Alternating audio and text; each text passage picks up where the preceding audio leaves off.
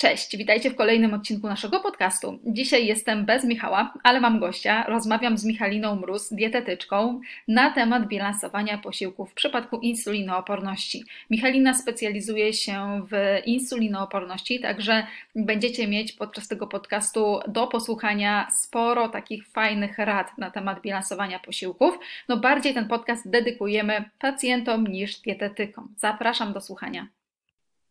Cześć Michalina. E, cześć Iwona, bardzo, bardzo dziękuję za e, zaproszenie. Cieszę się, że możemy się tutaj e, spotkać i porozmawiać, jak pewnie zaraz powiesz, na jakże ważny temat, jakim jest insulinoporność. Ja dziękuję bardzo, że zgodziłaś się ze mną porozmawiać. Powiedz coś o sobie, powiedz, jak to się stało, że zaczęłaś się insulinoopornością interesować, no i co robisz na co dzień? E, okej, okay, więc e, jakby ja jestem dietetykiem nie tylko z pasji, ale również z wykształcenia. E, ukończyłam studia licencjackie na Uniwersytecie Medycznym w Poznaniu. No aktualnie jakby już jestem na ostatniej prostej do pisania pracy magisterskiej z dietetyki, no właśnie z tematu związanego z insulinopornością. Ogólnie w mediach społecznościowych staram się pokazywać, że można jeść smacznie i zdrowo bez wyrzeczeń i nadmiernych restrykcji. No i zarówno w swojej diecie, jak i e, swoich podopiecznych stawiam na szybkość i prostotę wykonania. E, no i e, oczywiście specjalizuję się mm, przede wszystkim właśnie w zaburzeniach metabolicznych, no i też trochę w dietach roślinnych, co też wynika, że sama, sama tak też się odżywiam na co dzień. Z kolei jeśli chodzi o insulinoporność i skąd w ogóle u mnie takie zainteresowanie, no to mm, trochę jakby z własnego doświadczenia, bo sama też jakby miałam insulinoporność, chociaż mm, w sumie nie można tak tego powiedzieć w czasie przeszłym, no bo to jest, mm, co warto podkreślić, że to jest zaburzenie metaboliczne, a nie choroba, więc jakby można, mm, nie da się tego tak wyleczyć, tylko po prostu wprowadzić w remisję, zmniejszyć objawy właśnie towarzyszące temu zaburzeniu. Więc jakby to jest jedna kwestia, że sama jakby zmagam się, zmagam się z tym zaburzeniem. Aktualnie nie doświadczam, e, nie doświadczam żadnych objawów, mam jakby wyniki pod kontrolą. No i też dużo osób w moim otoczeniu zmagało się lub zmaga z insulinopornością, czy to rodzina, czy znajomi. Ja też z racji tego, że studiowałam e, i studiuję nadal na Uniwersytecie Medycznym, to tam też ten temat się przejawał, więc stąd myślę, że Um, poza tym uważam, że jak się jest od wszystkiego, to jest się od niczego, więc stąd jakby um, to jest taki jakby główny mój obszar e, zainteresowań, no ale wiadomo, że ciężko jest tak, um, że jeden pacjent będzie miał tylko jedno e, chorob, jedną chorobę czy zaburzenie, więc jakby um, to jest głównie insulinoporność, ale też e, zaburzenia towarzyszące. Jasne. A czyli głównie zajęłaś się tematem insulinooporności ze względu na to, że sama miałaś insulinooporność. E, tak, tak. E, wiesz co, e, to jest taki myślę główny powód. No i też jakby um, ten temat się bardzo często przewijał, bo ja też uczestniczyłam w wielu konferencjach, jeszcze będąc na studiach, więc tam też um, tam też było bardzo, było sporo właśnie informacji na ten temat. W ogóle Kilka lat temu jeszcze nikt nie wiedział, co to jest insulinoporność, że w ogóle. Tak, ja nie miałam tego na studiach.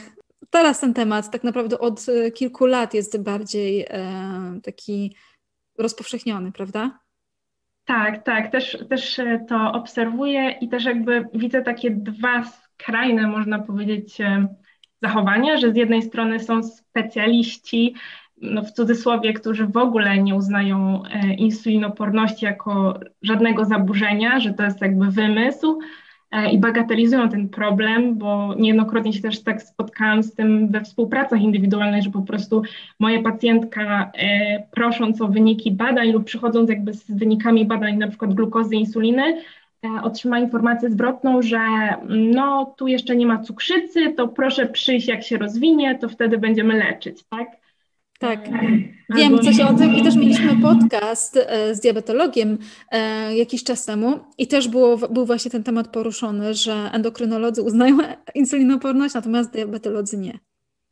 Tak, tak. Tutaj właśnie e, jest też taka zagwozdka, do jakiego specjalisty się udać, czy diabetolog, czy, czy endokrynolog. No tutaj przede wszystkim e, jakby można zarówno do jednego, jak i drugiego, ale tutaj głównie kierujemy właśnie do tych e, endokrynologów, ale to jeszcze wrócę jakby do tego, do tej pierwszej części wypowiedzi, o którą mnie pytałaś, że właśnie z jednej strony jest to ten brak uznawania insulinoporności jako zaburzenia, E, no a z drugiej strony jest, można powiedzieć, taka trochę moda na insulinoporność, e, więc to też, to też można, można zaobserwować. Ale z drugiej strony to może też być dobre, jakby pozytywne zjawisko, jeśli tak można to określić, no bo faktycznie zwiększa się świadomość i, i jakby mm, to, to może, może cieszyć, bo więcej osób gdzieś tam bada, nie tylko właśnie ten poziom glukozy, ale również insuliny, co jakby może się wydawać, że no niby wszystko jest ok, a tutaj robimy badania i, i coś jednak dochodzi i możemy dzięki temu działać. I więc tak pozytywnie, że zwiększa się ta świadomość e, wśród, wśród e, społeczeństwa, e, wśród specjalistów, pacjentów.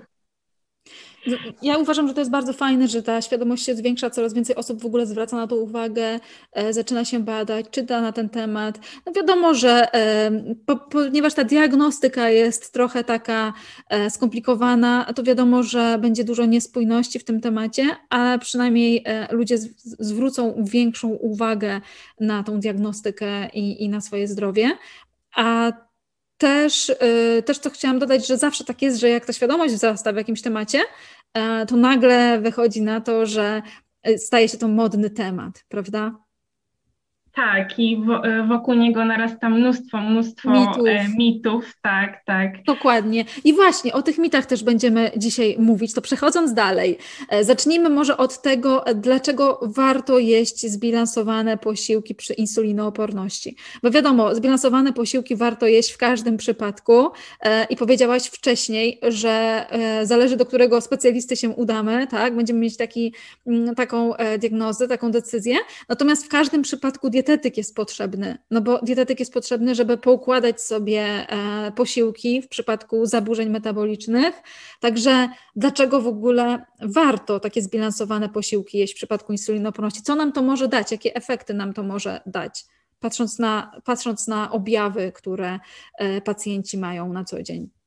Wiesz co, to myślę, że może tutaj warto jeszcze przytoczyć te objawy, bo, bo jakby nie wiadomo do, do mhm. jakiego grona tutaj trafimy, e, jeśli chodzi o podcast, e, więc tak pokrótce, objawy są, powiedziałabym, dosyć niespecyficzne, bo to też warto różnicować na przykład e, chociażby z zaburzeniami pracy tarczycy. No ale takie, mm, można powiedzieć, najczęstsze objawy, które dotyczą insulinoporności, to jest takie ja to nazywam taki trochę wilczy głód, apetyt na słodkie, takie ciągoty do słodkiego.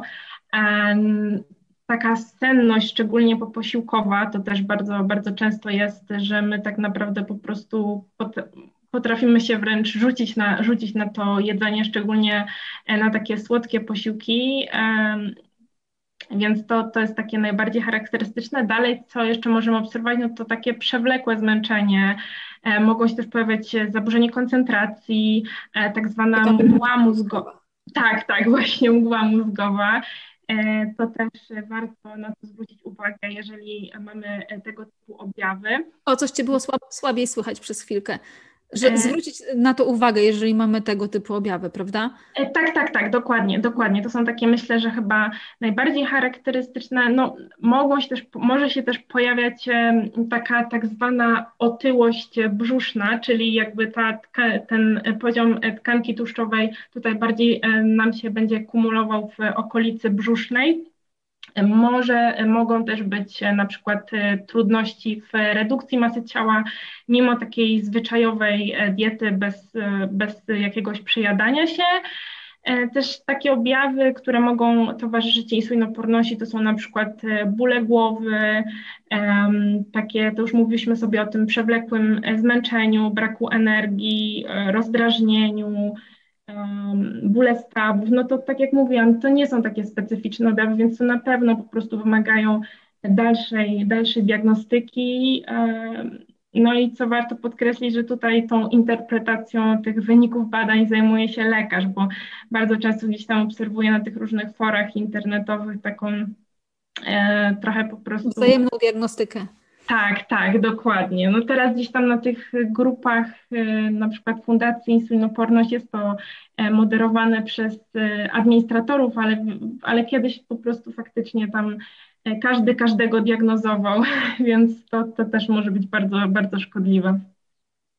Dobra, Michalina, czyli objawy takie, o których wspominałaś, czyli e, mgła mózgowa, zaburzenia koncentracji, e, ospałość, uczucie zmęczenia, objawy takie depresyjne wręcz, e, melancholijne. W jakim czasie my jesteśmy w stanie odwrócić te objawy, jeżeli prawidłowo zbilansujemy posiłki?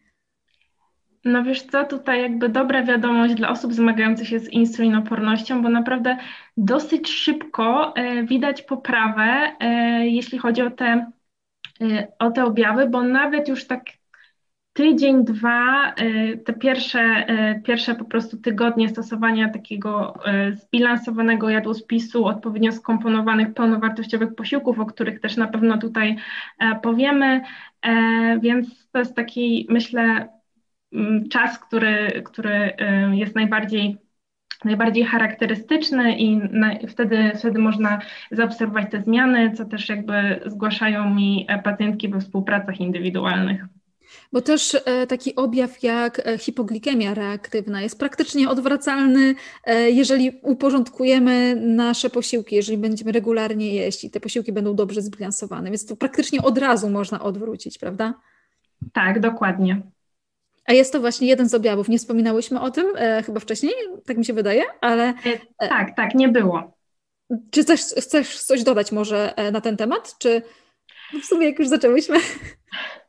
Okej, okay, no więc tak, myślę, że tutaj. Um, jeśli chodzi właśnie o tą hipoglikemię reaktywną, no to to jest taki stan, kiedy obserwujemy niedocukrzenie, E, I to jest jakby reaktywna z definicji, czyli kiedy pojawia się po posiłku, tak? Czyli nie, nie mamy na czczo, tylko e, po spożyciu posiłku. No i najczęściej to są takie posiłki niezbilansowane, czyli jemy na przykład posiłek e, bardzo wysokowęglowodanowy, czyli na przykład makaron z sosem pomidorowym i nie ma tam praktycznie żadnego źródła białka, czy to roślinnego, czy zwierzęcego. I właśnie bardzo szybko nam wtedy E, rośnie, e, rośnie ten e, cukier, potem nam bardzo szybko spada. To też może być taka jedna przyczyna. Kolejną taką przyczyną żywieniową oczywiście, tak, bo tutaj jakby przyczyny tego, przyczyn tego stanu może być wiele więcej, tak, jakieś inne zaburzenia no to na przykład jest po prostu nieregularne posiłki, tak, zbyt, zbyt długie odstępy między posiłkami. To też jest bardzo istotne, żeby te posiłki były mm, nie tylko odpowiednio skomponowane, ale też jedzone regularnie, tak, czyli jakby staramy się unikać takich zbyt długich przerw między posiłkami, żeby właśnie nie, do, nie doprowadzać do e, wahań e, stężenia e, glukozy we krwi, żeby utrzymywać tą tak zwaną normoglikemię. To jest bardzo, bardzo istotne.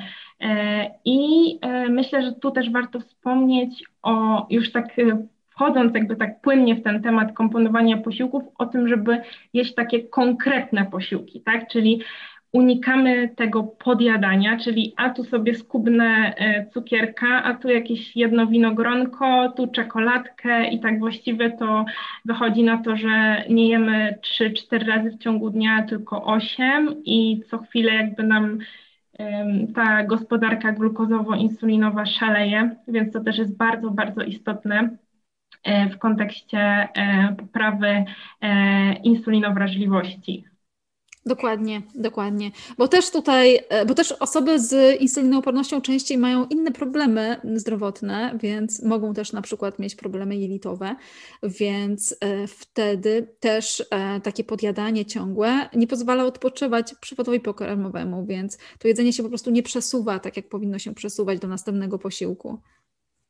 E, tak, to też e, ważne dla osób właśnie z zaburzeniami żołądkowo-jelitowymi. Fajnie, że o tym wspomniałaś. No dobra, to może e, wyjaśnij w takim, w takim razie na początku, e, na czym polega to komponowanie e, posiłków, jakie to ma znaczenie, to ta kompozycja posiłków, jakie to ma znaczenie w stosunku do ładunku i do, glikemi, i do indeksu glikemicznego, czyli do takich wskaźników, o których się dużo mówi w przypadku insulinooporności. Okej, okay, to myślę, że na początek warto wspomnieć, e, że te zalecenia dietetyczne insulinoporności, one są bardzo, bardzo podobne do takich zwyczajowych zaleceń dla osób zdrowych, więc tutaj um, ta dieta przy insulinoporności może być naprawdę no, dosyć łatwa do wdrożenia i naprawdę bardzo smaczna, więc tutaj jakby jest jednak kilka rzeczy, o których faktycznie e, musimy, e, na które musimy zwrócić uwagę. Tak jak już tutaj wspomniałaś o tym e, indeksie ładunku, myślę, że dobrze by było tu przypomnieć lub wyjaśnić słuchaczom te wskaźniki, więc jeśli chodzi o indeks glikemiczny, to jest taki parametr, który nam wskazuje procentowo, jak wzrasta nam poziom glukozy po spożyciu danego produktu. I tutaj punktem odniesienia jest e, wzrost poziomu e, glukozy e, we krwi po spożyciu czystej glukozy. I im wyższy jest ten indeks glikemiczny, tym produkt jest szybciej trawiony, szybciej przenika do krwi i powoduje szybszy wyrzut glukozy, a tym samym insuliny. I jest to na przykład białe pieczywo, słodycze, taka ogólnie żywność wysoko przetworzona. E, no i z kolei, jeśli chodzi o produkty o niskim indeksie glikemicznym, to one wchłaniają się powoli i nie powodują tak gwałtownych wahań cukru i e, tutaj można wyróżnić na przykład e, produkty pełnoziarniste, strączki, które oczywiście królują w dietach roślinnych, świeże warzywa, większość owoców, więc tu jakby tak ogólnie jest to żywność nisko przetworzona kolei jest jeszcze takie, e, taki wskaźnik e, jak ładunek glikemiczny. No e, właśnie, bo wiesz co, przepraszam, że Ci przerwę. No bo Jasne. Właśnie, jak wspominałaś przed chwilką, banan na przykład będzie miał wyższy indeks glikemiczny. No są takie owoce, które będą miały wyższy indeks glikemiczny. No i pacjenci obawiają się czasem jedzenia owoców ze względu na ten wyższy indeks glikemiczny. Czyli gdzieś tam zjedzą na przykład, e, powiedzmy na diecie tradycyjnej, wędlinkę czy kabanosika, ale na przykład obawiają się dodać e, owoców do posiłku, no ze względu właśnie na ten indeks glikemiczny.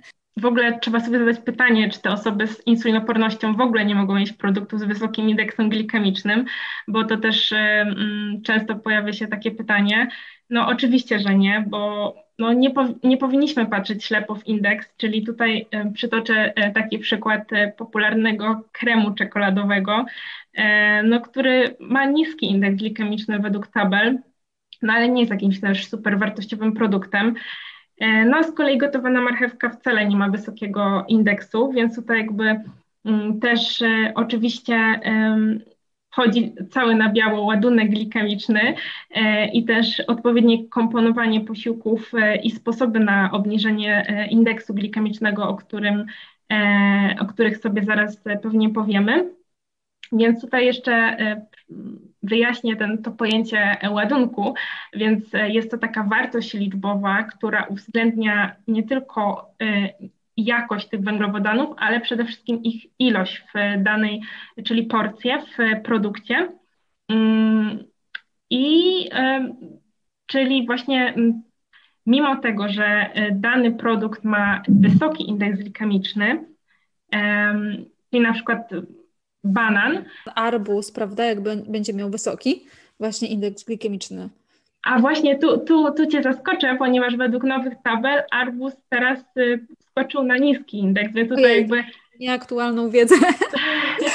tak, także, także to też y, dobrze, dobrze, żeby wybrzmiało, że faktycznie nie, boje, nie boimy się arbuza i w ogóle nie boimy się owoców, z racji tego, że one spożyte w małej ilości nie będą jakby powodowały takich, um, takich wahań um, stężenia um, glukozy we krwi, E, zwłaszcza jeśli ta niewielka porcja znajdzie się w towarzystwie produktów o niskim indeksie glikemicznym e, lub dodatków, które mogłyby wpłynąć na e, zmniejszenie tego indeksu. I myślę, że tutaj możemy teraz tak. przejść do tych typów. I, i cały ładunek chemiczny posiłku się wtedy obniża. I tak naprawdę tak. jest to zdrowy, zbilansowany posiłek. Tak, pewnie. E, to właśnie myślę, że teraz przejdziemy sobie do tych sposobów na zmniejszenie tego e, indeksu, bo to jest, są takie praktyczne tipy. Mhm, jasne. Mm, więc przede wszystkim unikamy rozdrabniania. To znaczy, no tutaj jakby mam na myśli spożywanie na przykład soków versus całych owoców. No bo na przykład weźmy sobie sok pomarańczowy, no to żeby żeby powstała taka szklanka soku pomarańczowego, no to faktycznie musimy zużyć pewnie co najmniej trzy pomarańcze. To byłoby nie lada wyzwaniem, e, jakby spożyć ich w takiej e, formie e, całej surowej, więc to też jakby to, to rozdrabnianie, blendowanie, miksowanie nam tutaj podwyższa ten indeks glikemiczny, ale też zaraz w sumie wrócę do tego, jak możemy temu zapobiec, żeby faktycznie spożyć sobie e, na przykład jakiś koktajl czy smoothie. Mm, też takim innym sposobem na zmniejszenie indeksu jest gotowanie kasz, ryżów, makaronów e, i tym podobne al dente, czyli na pół twardo. Staramy się nie rozgotowywać tych produktów.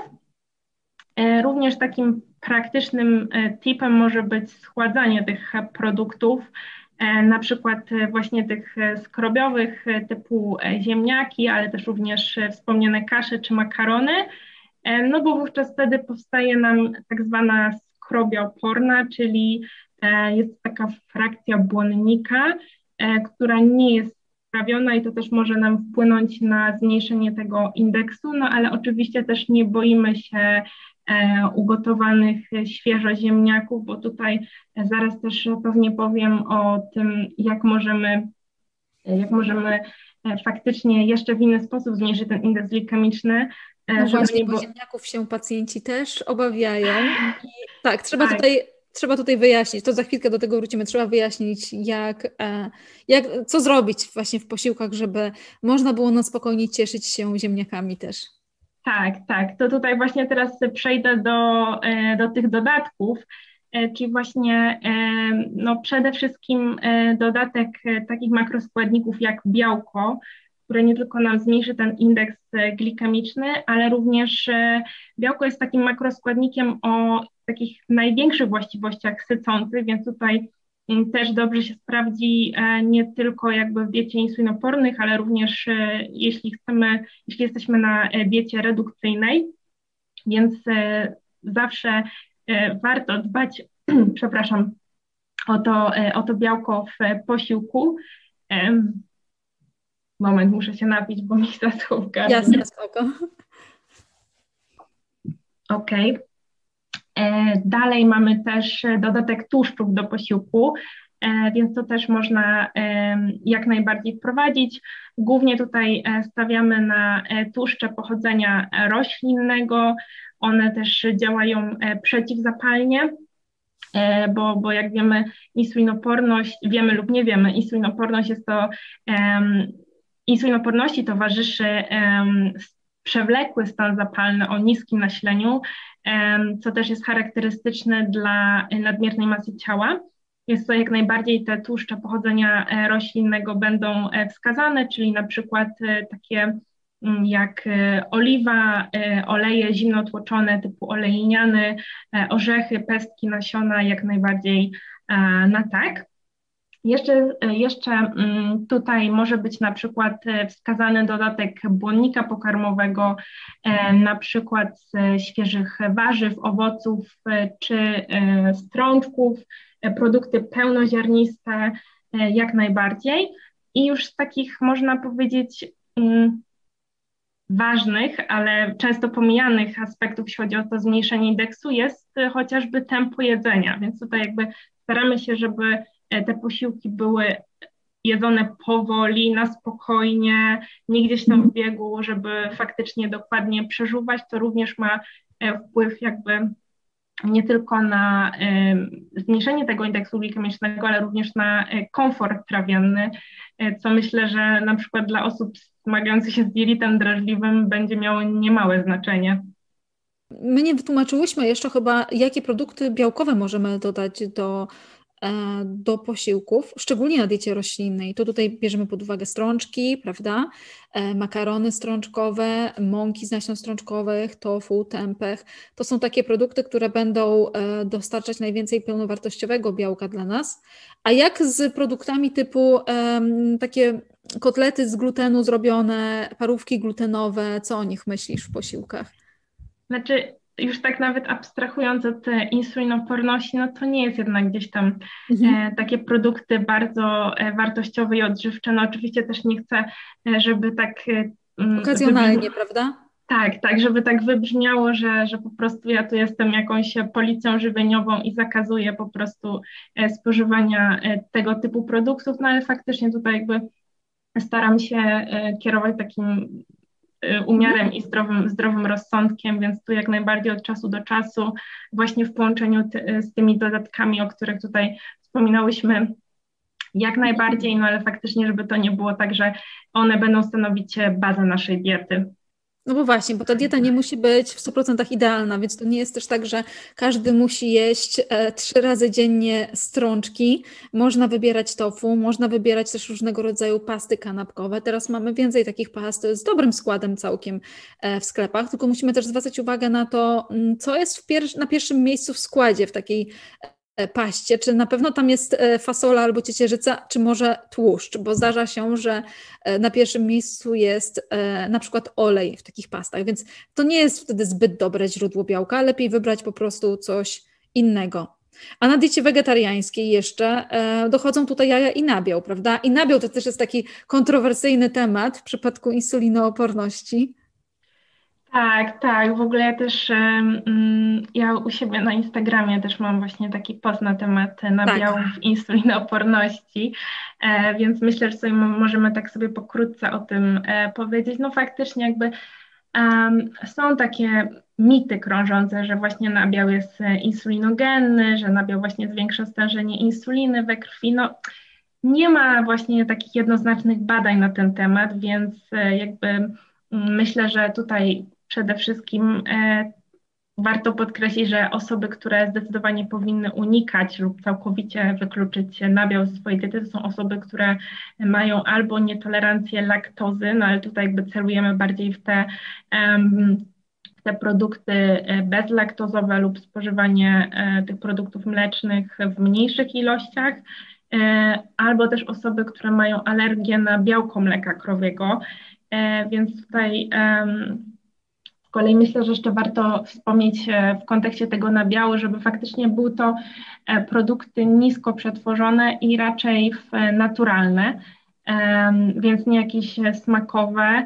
I to też myślę e, pod kątem diety roślinnej, jak najbardziej można zastosować jogurty kokosowe czy sojowe, jednak pamiętając, że te kokosowe, no to jednak tam tego białka jest tyle, co kot napłakał, więc tutaj warto by było E, bardziej e, pójść w te sojowe, ewentualnie po prostu zadbać o białko w pozostałych e, posiłkach. Albo zrobić coś takiego, że mamy ziemniaczki z kotletem z fasoli i do tego mamy mizerię na przykład z jogurtem sojowym. Więc wtedy to jest takie fajne połączenie, bo mamy trochę więcej nawet białka, bo mamy i e, właśnie ten kotlet, e, no i plus mizeria z jogurtem sojowym, więc tam mamy też białeczko dalej, więc ziemniaki mogą być tutaj na spokojnie zjedzone, prawda? Tak, tak, jak najbardziej. E, no myślę, że też warto ogólnie czytać składy, jeśli chodzi o te produkty, nie tylko, nie tylko roślinne, ale też również tradycyjne, bo często no jest tam gdzieś tam ten cukier, cukier ukryty, e, no ale wiadomo, też patrzymy, patrzymy e, na całokształt diety, nie, nie patrzymy przez pryzmat pojedynczych produktów, że jak mamy na końcu w składzie na przykład e, w musztardzie jakieś tam, nie wiem, jeden czy dwa gramy cukru, no to całkowicie to wykluczamy, nie dodajemy na przykład do jakiegoś dressingu, do sałatki, więc tutaj absolutnie tak do tego nie podchodzimy. Czyli zawsze sprawdzamy oczywiście, co jest e, gdzieś tam na tych pierwszych miejscach w składzie. Wiadomo, żeby skład był jak najkrótszy, o ile się da. Czasem ten skład jest trochę dłuższy, co też nie znaczy, że jest zły, tylko po prostu sprawdzajmy, co jest na pierwszym miejscu. Tak, właśnie jeszcze a propos tego składu, no to często y, ta długość tego składu może wynikać chociażby z fortyfikacji, tak? Dokładnie, o właśnie też to chciałam wspomnieć, bo witaminy też zajmują miejsce, składniki mineralne, szczególnie czasem są podane w innych formach, e, prawda, więc nie jest to na przykład witamina D2, tylko na przykład jest tiamina, więc ktoś może e, inaczej po prostu odczuć i mieć inne odczucia co do tego produktu czytając skład. A powiedz mi, jakie widzisz najczęściej błędy przy kompozycji e, posiłków pacjentów e, na diecie, e, powiedzmy roślinnej, ale to nie musi być tylko roślinna. No, w posiłkach takich, gdzie właśnie jak przychodzą do Ciebie pacjenci z insulinoopornością, w takich gorzej zbilansowanych posiłkach powiedzmy, co tam do poprawy jest? No to myślę, że co mi się pierwszy taki typowy posiłek, który mi się nasuwa, to ten, który już wspomniałam, czyli makaron z warzywami albo w jakimś sosie pomidorowym e, typu bolognese. To jest chyba taki najbardziej charakterystyczny e, posiłek, czyli znowu e, ten brak, brak białka, czy na przykład w, w kontekście diety wegetariańskiej, no to nie wiem, jakaś mozzarella czy, czy jajka, na diecie roślinnej to bardziej idziemy w tofu strączki. Co jeszcze tutaj e, może, mogłabym wymienić? Albo na przykład jeśli chodzi o posiłki na słodko, no to taka owsianka rozgotowana na jakimś, na wodzie zazwyczaj i tam jakieś, nie wiem, drzem, owoce e, w formie pire, więc to jakby mm, to też, to też się dosyć, dosyć często zgadza, zdarza. E, jeszcze, mm, no tak jak już tutaj mówiłam na początku o tym takim podjadaniu, czyli tu sobie skubnę, tam sobie podjem i tak w sumie wychodzi na to, że jemy cały dzień bez przerwy e, i też jakby rozregulowujemy tą naszą e, gospodarkę mhm. I też w sumie dosyć często się zdarza takie to myślę, że też możemy do tego, e, do tego tutaj e, przejść, e, czyli kwestia napojów, czyli my jakby nie uznajemy tych napojów jako można powiedzieć takie posiłki i na przykład pijemy sobie trzy razy dziennie taką kawkę z mlekiem i tak naprawdę no to nasz organizm traktuje to jako posiłek, bo, bo zawiera kalorie, czy, czy właśnie jest to z mlekiem zwykłym krowim, czy z napojem roślinnym, czy właśnie z jakimś cukrem, czy e, z syropem, więc e, to, to też jest jakby mniej wskazane w przypadku insulinoporności, no bo faktycznie cały czas stymulujemy, stymulujemy tą trzustkę do, do wydzielania jakby nadmiernych ilości insuliny, co raczej nie jest wskazane w przypadku poprawy insulinowrażliwości. Dokładnie. A jak już jesteśmy przy napojach i przy owsiance, bo wspominałaś wcześniej o owsiance, e, ja jakiś czas temu, może chyba już dwa lata temu, tak mi się wydaje, napisałam e, artykuł, jest na blogu u nas, o tym, jak skomponować owsiankę przy insulinooporności.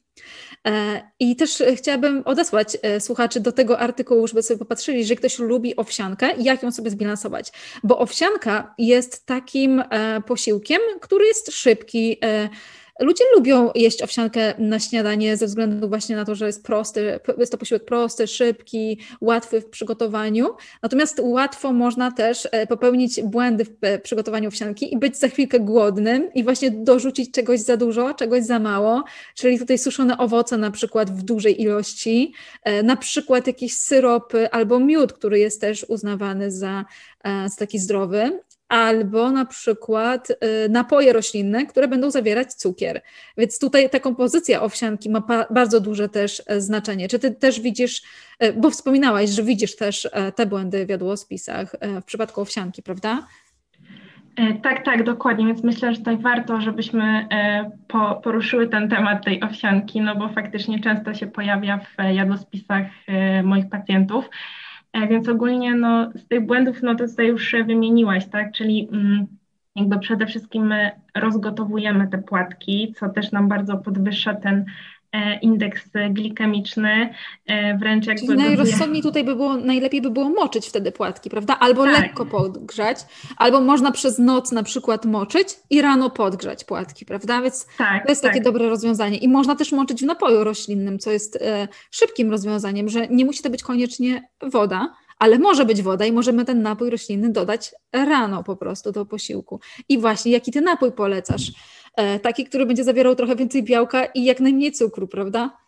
E, tak, tak. Wiesz co, jeszcze może wrócę do tych, do tych owsianek. Tak jak już powiedziałaś, są, są e, dwa sposoby. Można albo na przykład, e, jeśli nam się spieszy, no to zalać sobie tam gorącą wodą takie płatki i wymieszać z jogurtem, czy to jakimś krowim, czy roślinnym, głównie, mm, głównie sojowym, albo po prostu zrobić tak zwaną nocną owsiankę, czyli zalać te płatki czy jogurtem, czy mlekiem. E, lub napojem roślinnym e, i na noc po prostu włożyć do lodówki rano, podgrzać, dodać jakieś dodatki właśnie typu e, owoce, szczególnie polecane w insulinoporności są owoce jagodowe, albo jeszcze możemy dodać też do tego jakieś orzechy, pestki, nasiona, też ten dodatek tłuszczu nam fajnie obniży ten indeks glikemiczny, no i też zwiększy sytość. No już wracając do tego Twojego pytania a propos tych e, napojów, e, tutaj głównie jeśli chodzi o te rośliny, no to właśnie warto, warto czytać te składy, mm, no bo faktycznie dosyć często się pojawia, że albo nie ma w ogóle mm, dodatku e, takich składników jak wapń czy witaminy. Bardzo często jak widzę skład to jest po prostu woda, olej, sól. Tak, tak, to jest tak jakby płacenie za wodę z dodatkiem 7% owsa i troszeczkę soli. I to jeszcze ekologicznej albo himalajskiej soli. Hi ekologiczny owiec, himalajska sól, prawda? Więc za to płacimy. Tak, tak, więc tutaj warto, warto na to e, uczulać e, pacjentów, e, żeby faktycznie zwracali uwagę na te składy. I no, albo po prostu e, z jednej strony ta, ten brak fortyfikacji, a z drugiej strony e, po prostu dodatek e, cukru, e, co też nie jest, nie jest tutaj e, zbytnio wskazane, jeśli chodzi o insulinoporność. a jeśli chodzi o takie napoje, no to myślę, że tutaj e, pod kątem insulinoporności najlepszym wyborem byłby napój sojowy bez dodatku cukru, a właśnie fortyfikowany właśnie wapń, te wszystkie witaminy. Mm, no bo on jednak faktycznie spośród tych wszystkich napojów roślinnych ma najwięcej tego e, białka, aczkolwiek jeśli ktoś nie lubi smakowo, no to można ewentualnie zamienić na e, migdałowy lub kokosowy. No one faktycznie mają mniej tego białka, ale z drugiej strony też jakby jeżeli ktoś pije tylko e, takie mleko, znaczy napój sojowy do kawy, no to tam tak naprawdę jest to niewielka ilość, więc nie ma to większego znaczenia, jeżeli zadbamy o to białko w pozostałych e, e, mhm. posiłkach. Tutaj raczej mm, ten napój owsiany nie będzie zbytnio wskazany, bo on jednak faktycznie owiec ma e, sporo, sporo tego cukru, też według tabel ma wysoki indeks i ładunek glikemiczny, więc faktycznie raczej unikałabym napoju owsianego, aczkolwiek no też z drugiej strony, jeżeli jest to tylko taki niewielki dodatek do kawy, no to też faktycznie liczy się, liczy się ta porcja, tak o której mówiłyśmy, więc jeżeli spożyjemy to w niewielkiej ilości, no to faktycznie tych węglowodanów będzie też mniej w tej porcji. Tak, dokładnie mam taką samą hierarchię e, napojów e, rekomendowanych pacjentom z insulinoopornością. E, sojowy, dalej jest migdałowy, kokosowy, ten bez cukru jasne. No i opcjonalnie, wiesz, bo te owsiane są bardzo popularne teraz i no, są fajne te napoje, ludzie lubią te napoje. Ja osobiście nie przepadam, jest za słodkie dla mnie, no nawet jeżeli jest niesłodzone. Tak, nawet jeżeli jest niesłodzone, to jest po prostu słodkie. E, to ma chyba tam około, nie wiem, 4 gramów chyba e, takiego cukru naturalnego w 100 ml jest to słodkie. Więc jak dodajemy sobie to do posiłków, to musimy czymś to zrównoważyć. No i są osoby, które mogą się dobrze po tym czuć, dodadzą sobie trochę więcej tłuszczu z białkiem do posiłku, czy na przykład do owsianki, e, masła orzechowego, czy jakichś orzechów, migdałów, e, ale są osoby też, które będą za chwilkę głodne i co znaczy, że jednak, no, jednak może nie ten napój i warto tutaj go podmienić na inny, żeby poszukiwać te, tego, e, który będzie po prostu troszkę obniżał cały ładunek bardziej glikemiczny. Jasne, jasne. Tutaj w pełni się z Tobą zgadzam i nie mam nic więcej do dodania. A jak jesteśmy już przy tych słodkich rzeczach, to e, jakie słodziki wybierać? No bo wiadomo, że cukier nie, tak? E, cukier kokosowy, brązowy, tak, wszystkie tak. cukry nie. Natomiast no, które słodziki będą najlepsze e, w przypadku insulinooporności? Wiesz co, to może ja tutaj zacznę od drugiej strony. Jak już tak tutaj zaczęłyśmy, jakich e, tych alternatyw cukru należy unikać, to myślę, że e, tak tutaj to przedstawię. No to tak jak już tu wspomniałaś, właśnie te inne cukry typu trzcinowy, brązowy, kokosowy, no to jakby wbrew powszechnej opinii, to te, te rodzaje cukrów, one wcale nie są zdrowsze i praktycznie nie różnią się pod względem e, czy kaloryczności, czy wartości odżywczych od tego naszego cukru białego z cukierniczki. Czyli bo, po prostu jak sól i sól himalajska. Tak, czy... tak, bo właśnie ten cukier brązowy to jest po prostu, e, on jest cukrem zabarwionym karmelem, e, melasą, jest cukrem oczyszczonym, no a z kolei ten cukier trzcinowy, no to on się produkuje, produkuje się go z trzciny cukrowej i jest cukrem nieoczyszczonym, ale to wcale nie oznacza, że jest jakimś super wartościowym produktem. E, tutaj jeszcze, jeśli chodzi o te alternatywy cukru, których należy unikać. Nie używać.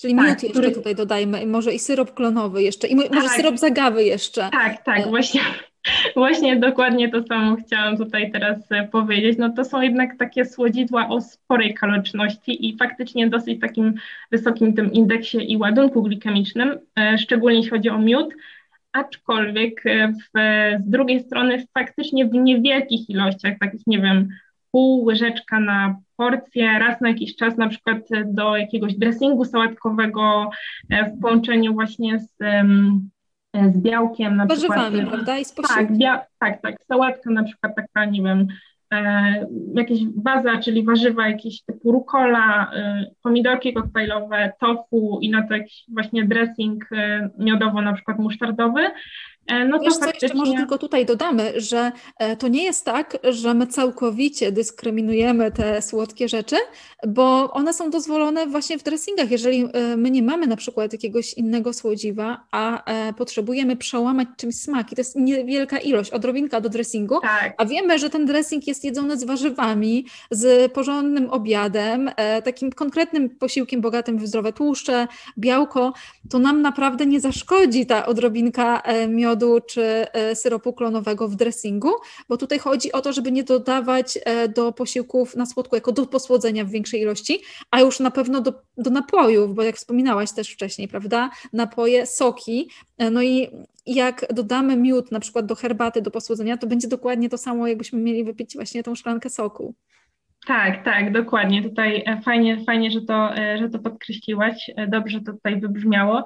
No jeszcze z takich alternatyw cukru, których nie powinniśmy, znaczy staramy się unikać, e, to też mogą być właśnie daktyle czy inne suszone owoce.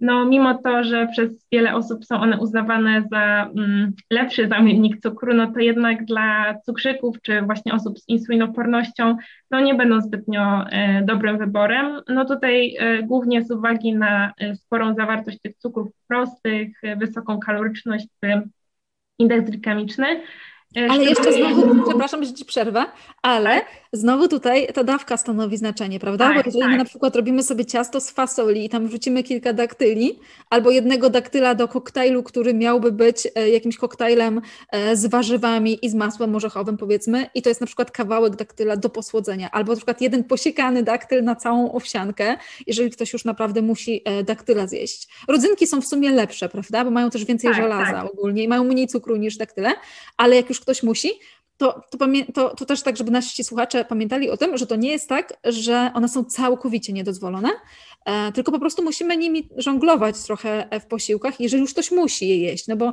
jeżeli ktoś poszukuje słodkiego smaku i to nie musi być daktyl, no to po prostu można przejść do tych e, słodzików, o których ty za chwilkę będziesz mówić. Tak, tak, pewnie, pewnie. E, super, że to podkreśliłaś. E, no tutaj właśnie te rodzynki mogą być też e, dobrą alternatywą. Jeśli dobrze pamiętam, to również suszone śliwki też mają, mają niższy indeks i ładunek glikemiczny niż właśnie te daktyle. Też, I jeszcze morele suszone. Tak, tak, tak, morele właśnie. E, bo też jak najbardziej... są najbardziej popularne, e, najtańsze, najbardziej popularne, najsłodsze, najbardziej chyba lubiane, tak wydaje mi się, przez osoby, które lubią złożone owoce, e, tak jak widzę na przykład w jadłospisach, natomiast one mają najwięcej cukru, tak chyba z 70% w ogóle e, daktyli to są właśnie węglowodany, 75 chyba nawet. Tak, tak, ale też z drugiej strony właśnie te suszone owoce mogą stanowić fajny dodatek do na przykład takich um, domowych słodyczy, jak na przykład e, takie tak zwane kulki mocy, więc tutaj Dokładnie. tak, tak, mo mogą być właśnie w połączeniu z tymi dodatkami typu jakieś zdrowe tłuszcze, e, na przykład orzechy, takie, takie tak zwane kulki mocy można, można przygotować tutaj jak najbardziej mogą stanowić fajny dodatek i takie przełamanie tych smaków, no i też taką trochę namiastkę normalności, tak, żebyśmy też wszystkiego tutaj naszym słuchaczom nie odbierały tej przyjemności z jedzenia słodkiego. No ale raczej tak. nie ma takich rzeczy, które byśmy całkowicie zakazywały. E, przynajmniej ja tak mam, ty chyba też tak masz, prawda? Że całkowicie nie zakazujesz jakichś produktów.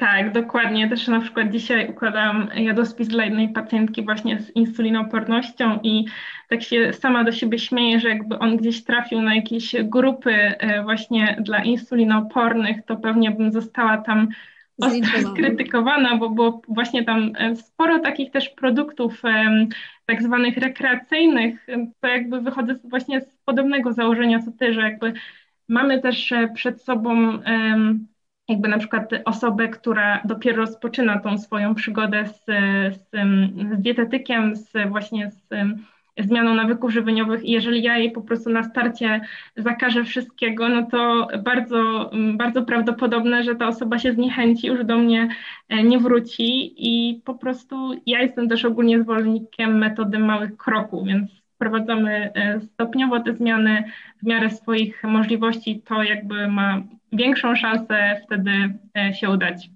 Dokładnie, bardzo dobre podejście. Właśnie tak samo, tak samo, takie samo mam podejście. No dobra, wracajmy do słodzików. Pewnie. Czy już wszystkie słodziki omówiłyśmy, których nie powinno Wiesz, być w diecie? To właśnie ja sobie jeszcze tutaj zanotowałam syrop glukozowo-fruktozowy tak. i fruktozę ogólnie.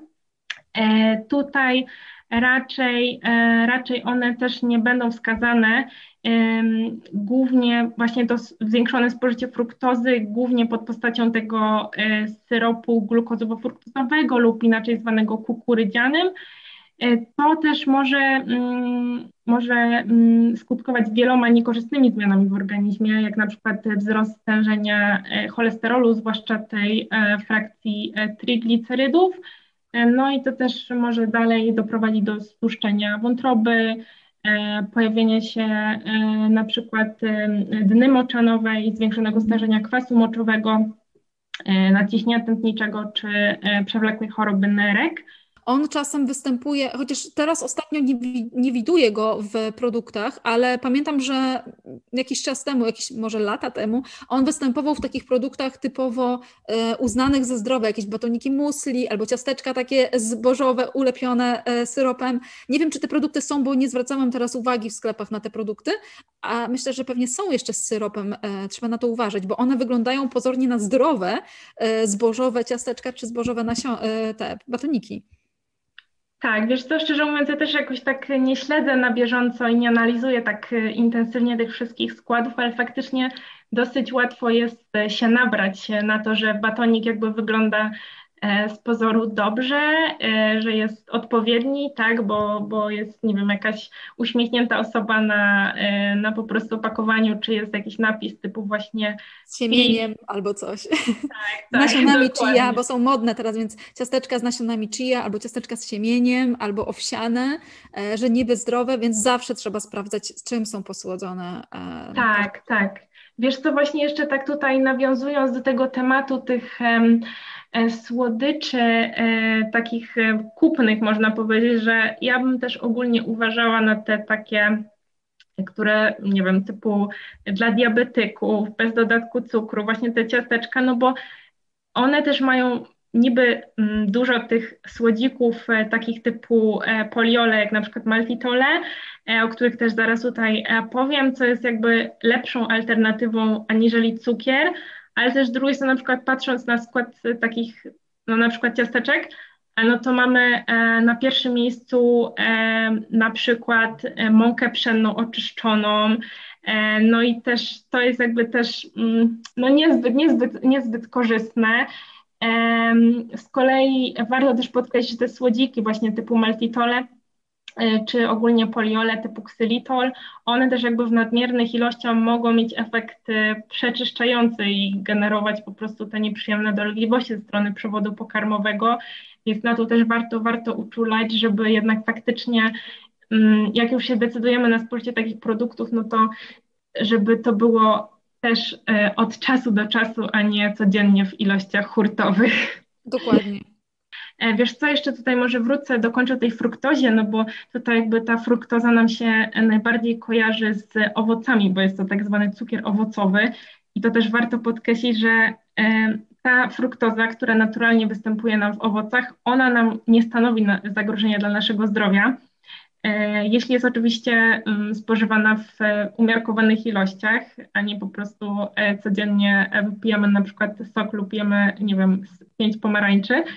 E, więc tutaj też należy podkreślić i pamiętać, że te owoce są bardzo dobrym źródłem chociażby błonnika pokarmowego i posiadają wiele witamin czy jakichś substancji bioaktywnych i czy składników mineralnych.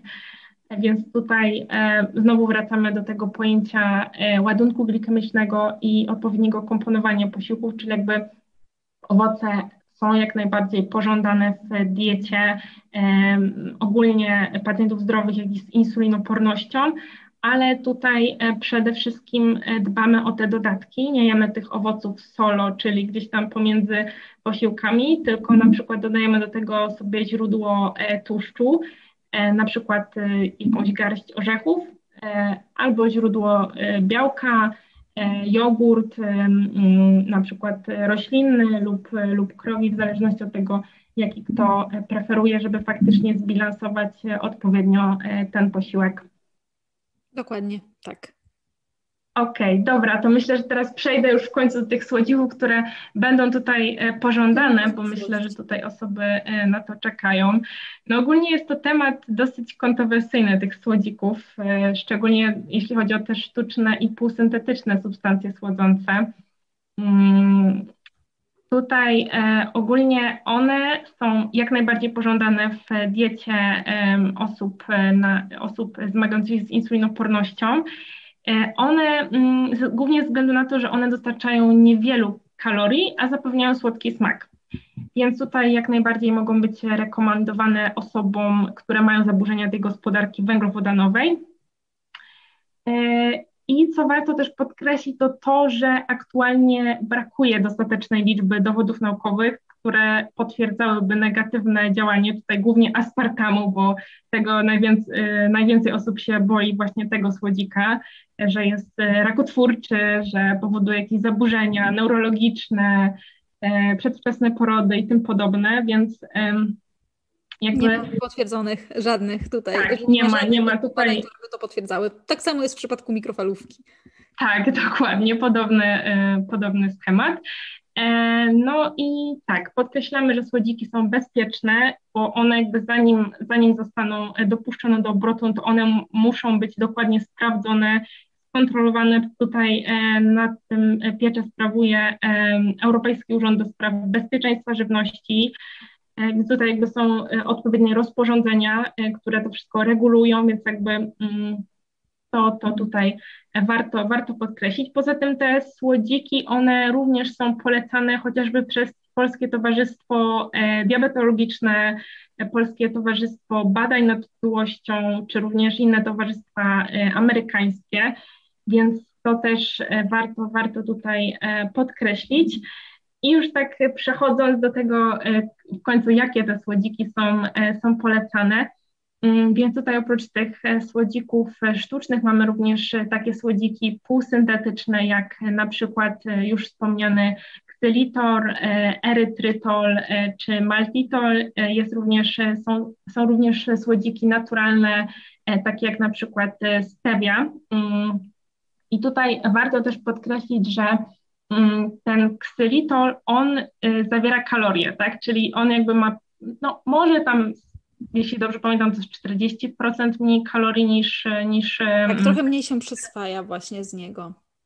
Tak, tak, trochę mniej jakby jest, jest można powiedzieć takim mniejszym złem, e, takim może stanowić, mm, ja bym powiedziała taki trochę etap przejściowy dla osób, które faktycznie codziennie słodziły sobie trzy herbaty dwoma łyżeczkami cukru, bo on też jakby ma słodycz, słodycz ma taką samą jak, jak cukier z cukierniczki więc może być taką na początku taką dobrą dosyć alternatywą. Mm, no też jego... przejściem z e, tego właśnie herbaty słodzonej cukrem poprzez właśnie ksylitol do niesłodzenia herbaty, żeby poczuć smak herbaty. Tak, dokładnie, dokładnie. E, Albo kawy. tak, tutaj też ja osobiście e, rekomenduję swoim pacjentom i też jakby stosuję chociaż na przykład do wypieków erytrytol, to też jest bardzo fajny słodzik e, pod tym kątem, e, że on faktycznie nie zawiera żadnych kalorii i też ma zerowy indeks glikemiczny, bo ksylitol ma tam indeks, już nie pamiętam, ale chyba bodajże 7, no to wiadomo, że to nie jest tak dużo, jak, jak ma cukier e, z cukierniczki, ale no faktycznie też może, jeżeli sobie gdzieś tam dodamy do kawy pomiędzy posiłkami, no to też może nam niepotrzebnie po prostu mm, jakby powodować te e, wahania e, glikemii. Może na koniec jeszcze powiesz e, w kilku zdaniach takie swoje przesłanie, które chciałabyś dać swoim słuchaczom, którzy być może mają insulinooporność albo podejrzewają u siebie, co mogliby zrobić? Jakie są kroki, w kilku krokach takich najważniejszych, co można zrobić, żeby poczuć się lepiej?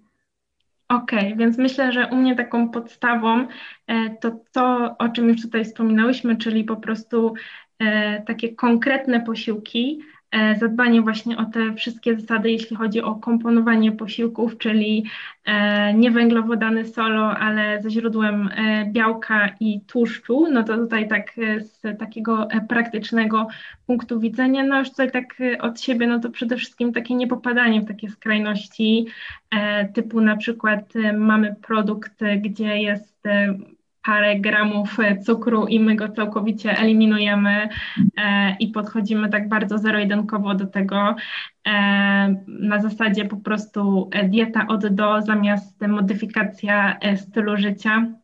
Więc to też myślę warto tutaj podkreślić i po prostu tak podejść do tego na spokojnie, dopasować te wszystkie modyfikacje do, do siebie, do swoich aktualnych możliwości E, że wcale nie musi być to na 100%, aby było e, super. Więc myślę, że to są chyba takie najważniejsze ode mnie e, wskazówki. Tak, i to właśnie to, co powiedziałaś wcześniej o małych krokach. No, właśnie tutaj małe kroki mogą dużo zmienić w dłuższej perspektywie czasu. Nawet jak zaczniemy coś zmieniać małymi krokami. Zawsze łatwiej jest wtedy podjąć ten małe kroki, niż, niż po prostu rzucić się na głęboką wodę. Tak, tak. Te, te małe kroki mogą naprawdę przynieść e, duże efekty. Michalina, gdzie Cię szukać w internecie? E, powiedz e, naszym słuchaczom, gdzie Cię można znaleźć? Wiesz co, głównie działam teraz na Instagramie pod nazwą Dietetyk z Pasji. To myślę, że można mnie dosyć łatwo znaleźć. W sumie analogiczne treści udostępniam też na Facebooku pod tą samą nazwą, więc E, jak coś, to e, po prostu można mnie szukać przede wszystkim na Instagramie, także serdecznie zapraszam i bardzo dziękuję tutaj za rozmowę. Mam nadzieję, że dla słuchaczów okaże się wartościowa. Dziękuję również bardzo, bardzo dużo e, wartościowej treści.